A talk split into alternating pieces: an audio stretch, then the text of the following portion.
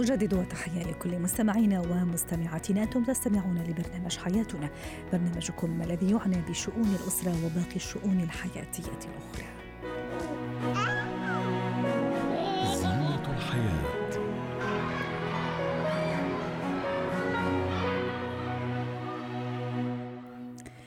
هو سلوك سيء عدا أنه قد يدفع الأبناء إلى تقليده في مرحلة ربما الطفولة المتأخرة وحتى بداية المراهقة والشباب. أيضا يؤذي الطفل وهو صغير. تحدثنا عنه أيضا مرارا وتكرارا ولا بأس من الحديث مرة أخرى والتوعية. يتعلق الأمر بتدخين الأباء أمام أبنائهم. الأباء والأمهات أحيانا أيضا فيما يتعلق يعني بالتدخين أو حتى الشيشة.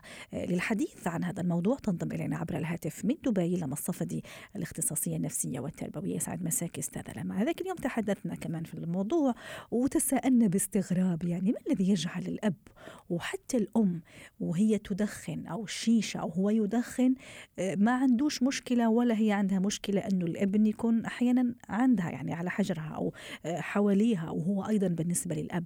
خلينا اليوم ندخل شوية ونقترب من هذا السلوك الغريب.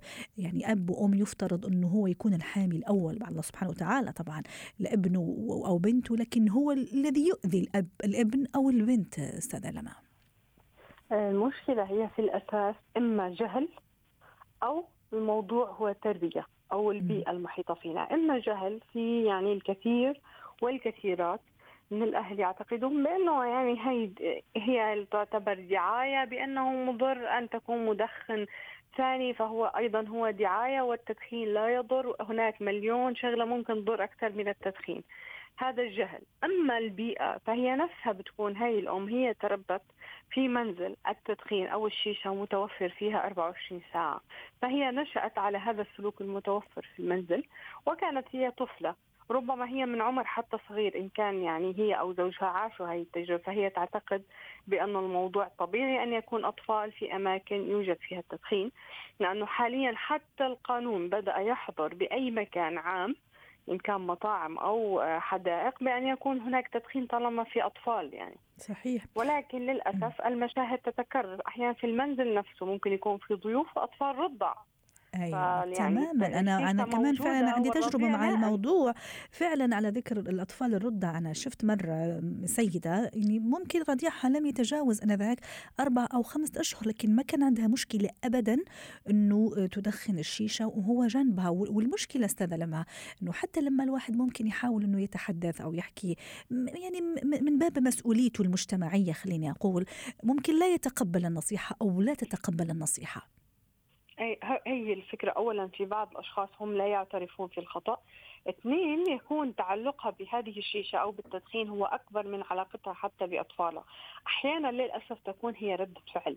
يعني نحن دائما نرى بأن السيدات ممكن هن في المنزل لا يعملن خروجهم قليل ليس لديهم أقارب.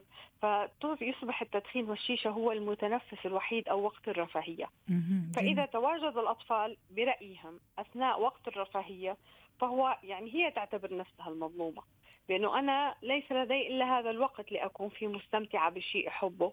وجود طفلي هو المشكلة فطالما ليس لدي بديل لما لا؟ نعم. يعني المشكلة بأنه كل شخص يرى الصورة من جانبه لذلك تختلف أكيد إذا كنت أنا قررت أني أنصح. أكيد لن يكون هناك تجاوب مع الموضوع. والأخطر أستاذة لما إلى توافقيني الرأي يعني الآن مع وسائل التواصل الاجتماعي صار أيضا يعني المكشوف صار صار يبان. في, في, في آباء وأمهات ما عندهم أي مشكلة. إذا صور ابنه اللي عنده ثلاثة واربع سنوات في إيده آه، سيجارة أو شيشة ويصوروا ويتباهى به في فيديو ويصير الأهل يضحكوا. وبالنسبة لهم يعني شيء فني أو شيء شيء مضحك يعني. هو مضحك مبكي في الحقيقة ليس كذلك؟ صحيح.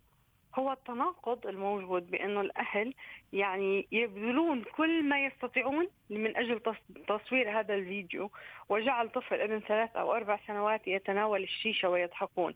ولكن يلجؤون مثلا أنا من الحالات اللي تصلني كاستشارات قد يأتي أم تأتي تقول لي ابني عمره 14 سنة يدخن. أيوه أو ابنتي مثلا انصدمت. وهي أيضا وهي يعني هي تكمل الحديث. هي بيدها اوريدي يعني سيجارة.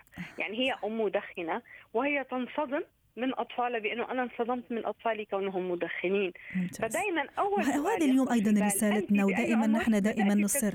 وهذه أيضا صحيح. رسالتنا أستاذة لما إنه في كل مناسبة من هذا المنبر الاعلامي من سكاي نيوز عربي دائما نحاول نوعي حتى إذا وعينا اليوم ليش نرجع نوعي مرة أخرى وثانية وثالثة؟ فعلا أنا كيف أطلب من ابني إنه إنه إنه ما يعمل شيء غلط وأنا أعمل نفس الشيء وقدامه يعني؟ صحيح القدوة والأم والأب هم المثل الأعلى.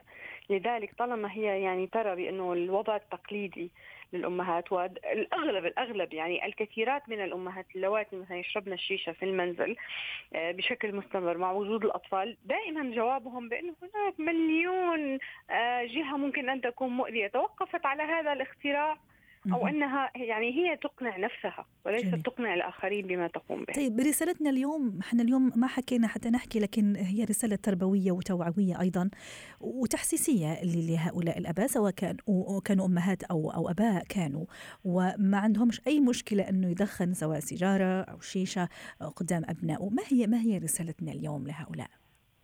آه رسالة بأنه الأب والأم هم المثل الأعلى والطفل هو مقلد لما يراه اثنين يعني فكرة حتى المفروض لو كانت هي عادة أنا موجودة لدي بأنه أنا متعلقة إن كان بالتدخين أو بالشيشة المفروض أن تكون بمعزل عن الأطفال يعني أبعدوا أطفالكم عن هذا المكان ومارسوا هواياتكم.